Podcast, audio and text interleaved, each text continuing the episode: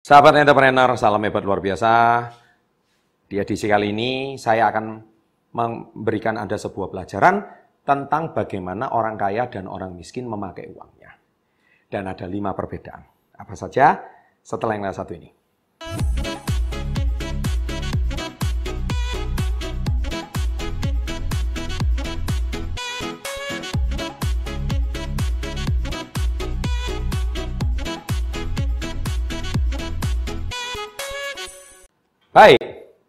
Saya hari ini ingin menceritakan bagaimana perbedaan orang kaya dan orang miskin dalam memakai uangnya.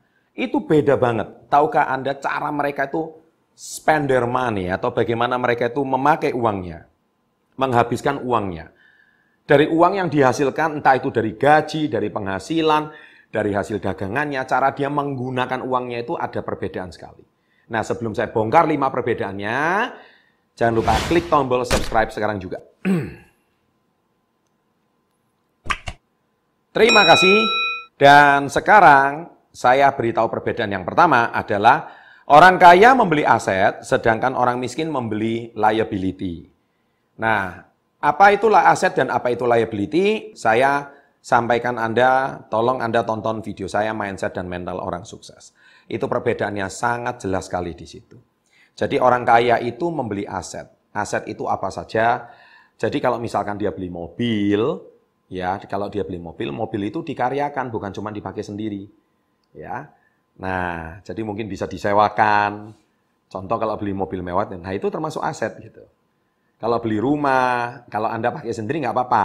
Tapi kalau Anda beli rumah, rumah dua, rumah ketiga, rumah itu bisa dikontrakkan. Tapi saran saya sih kalau rumah sih enggak ya, karena rumah kalau di Indonesia hasil kontrakannya itu sangat-sangat mengecewakan. Jadi sebaiknya Anda bisa karyakan lagi. Contohnya, intinya rumah itu tidak eh, produktif banget, itu membeli aset. Nah, sedangkan orang miskin itu beli liability. Liability itu apa? Dia sudah membeli sebuah barang, tak barang itu dicicil 60 kali, ya.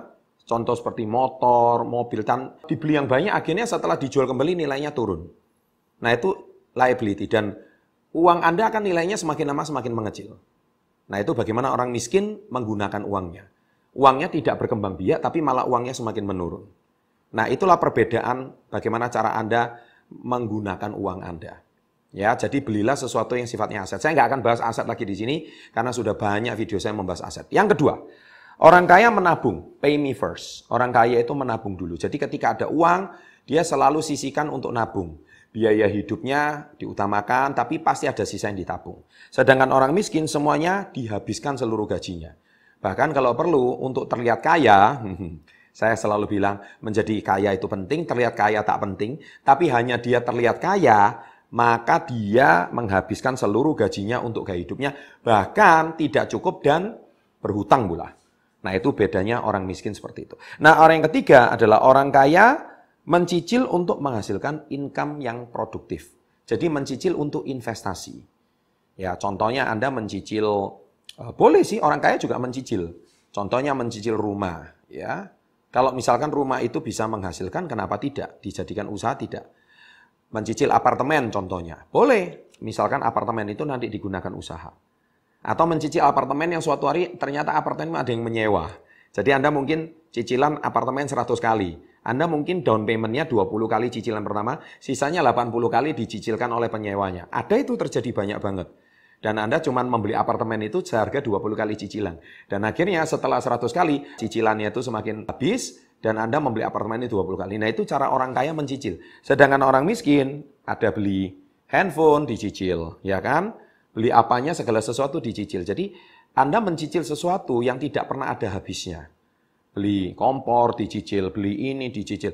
Intinya beli barang-barang yang nggak perlu itu dicicil. Akhirnya semua di rumah Anda banyak barang-barang yang tidak berguna. Akhirnya ketika barang itu dijual tidak ada harganya. Nah itulah kenapa orang miskin sangat berbeda dengan orang kaya di dalam cara dia menggunakan uangnya. Yang keempat, orang kaya bisa menunda kesenangan. Nah, jadi contohnya pengen beli barang mewah, contohnya beli jam. Ya, seperti ini. Kalau Anda membeli jam seperti ini, Orang orang kaya dia pasti berpikir jam mahal itu bukan untuk pamer, tetapi jam mahal itu selain punya nilai investasinya, contohnya jam tangan Rolex, Nah, jam tangan Rolex itu Anda bisa membeli mungkin dulunya harganya 50 juta, sekarang harganya kalau dijual 10 tahun kemudian harganya 100 juta. Jadi membeli Rolex itu seperti kayak membeli logam mulia. Nah, itu berarti Anda bisa menunda kesenangan. Ya, itu mencicil yang bagus menurut saya. Sedangkan orang miskin, dia tidak bisa menunda kesenangan. Dia intinya segala sesuatunya itu dihambur-hamburkan. Ya, tidak ada nilai investasinya, yang ada terkena depresiasi, akhirnya terkena inflasi, nilai investasinya tidak ada. Nah, itu sehingga Anda pengelolaan Anda terhadap ilmu finansial itu sangat minim sekali. Nah, jadi belilah sesuatu itu yang punya nilai investasi. Nah, itu saya yakin Anda adalah orang yang smart dan bagaimana cara Anda menggunakan uang Anda. Jadi uang yang Anda hasilkan dan Anda keluarkan lagi, waktu Anda keluarkan itu pun menghasilkan nilai investasi lagi. Nah, itu cara orang kaya menggunakan uangnya. Dan yang terakhir yang kelima, orang kaya beli fungsi, orang miskin beli gengsi.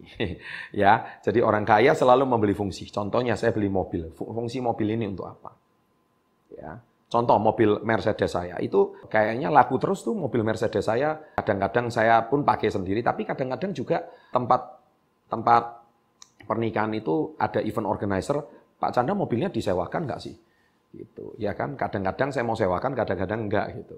Ya, tapi intinya ketika saya sewakan, pajak tahunan saya sudah dibayarkan. Kemudian eh, ongkos servis oli saya sudah dibayarkan. Berarti mobil itu ketika nilainya menurun, tidak menurun amat karena mobil itu bisa mendatangkan uang untuk saya. Nah, jadi itulah yang namanya Anda bisa menggunakan investasi. Ya, contohnya lagi, misalkan Anda beli properti, ya, Anda beli properti itu properti produktif. Jadi properti itu ada dua. Properti itu menghasilkan capital gain sama yield. Saya ulangi ya, capital gain sama yield. Yield itu tulisannya Y I E L D. Capital gain itu dari nilai tanahnya naik, kemudian yield itu properti itu produktif, bisa disewakan, bisa eh, apa dikontrakkan dan sebagainya. Nah, sedangkan itu namanya membeli fungsi. Ya, membeli jam juga sama. Tapi kalau saya Android, kadang-kadang saya membeli ganti handphone itu saya bisa ganti sampai rusak baru saya ganti. Kenapa? Nggak ada fungsinya. Fungsinya cuma untuk browsing doang, nonton video doang, kemudian telepon doang, ya udah. Saya tidak akan menghabiskan uang itu untuk membeli handphone seperti itu. Meskipun harganya itu mahal sekali. Kalaupun, sekali lagi, kalaupun saya mau membeli barang mewah, itu boleh. Tapi pastikan Anda membeli barang mewah itu dari pasif income Anda. Saya ulangi lagi, membeli barang mewah itu dari pasif income Anda. Jadi Anda membeli barang mewah itu dari pasif income. Pasif income itu kan uang yang sudah dari hasil aset Anda yang sudah diminus pengeluaran Anda dan masih ada sisa. Nah, itu namanya pasif income. Ketika ada sisa, Anda bisa belikan barang mewah, itu silahkan. Itu namanya membeli fungsi. Sedangkan membeli gengsi, Anda sudah membeli dari aktif income Anda dan aktif income Anda di minus pengeluaran Anda, masih minus, dan Anda masih mencicil lagi barang baru. Nah itu konyol ditambah konyol, tambah konyol, konyol kuadrat jadinya. Nah itu kenapa orang miskin semakin miskin. Karena dia mencicil terus umur hidupnya. Dan dia tidak sadar kalau suatu hari dia tidak bisa lagi bekerja, sumber penghasilannya stop, dan akhirnya dari mana eh, Anda bisa mencicil semua kehidupan. Akhirnya ketika dijual semua asetnya, tidak ada harganya. Nah, that's why Anda seumur hidup akan miskin terus. Ya, jadi Anda yang nonton video ini Anda merasa tersinggung, ya, sekali lagi tolong pahami maksud video ini karena ada pendidikan finansial yang diajarkan di sini. Ya, ini adalah hasil perenungan saya dari baca-baca buku dan gaya hidup saya sendiri, apa yang saya sampaikan yang semua saya ajarkan di sini. Oke? Demikian video kali ini, jangan lupa klik subscribe. Ya, sekarang juga jangan lupa aktifkan loncengnya, komentar-komentar positif di bawah saya tunggu, serta jangan lupa bagilah kepada teman-teman. Sukses untuk Anda. Always salam hebat. Luar biasa.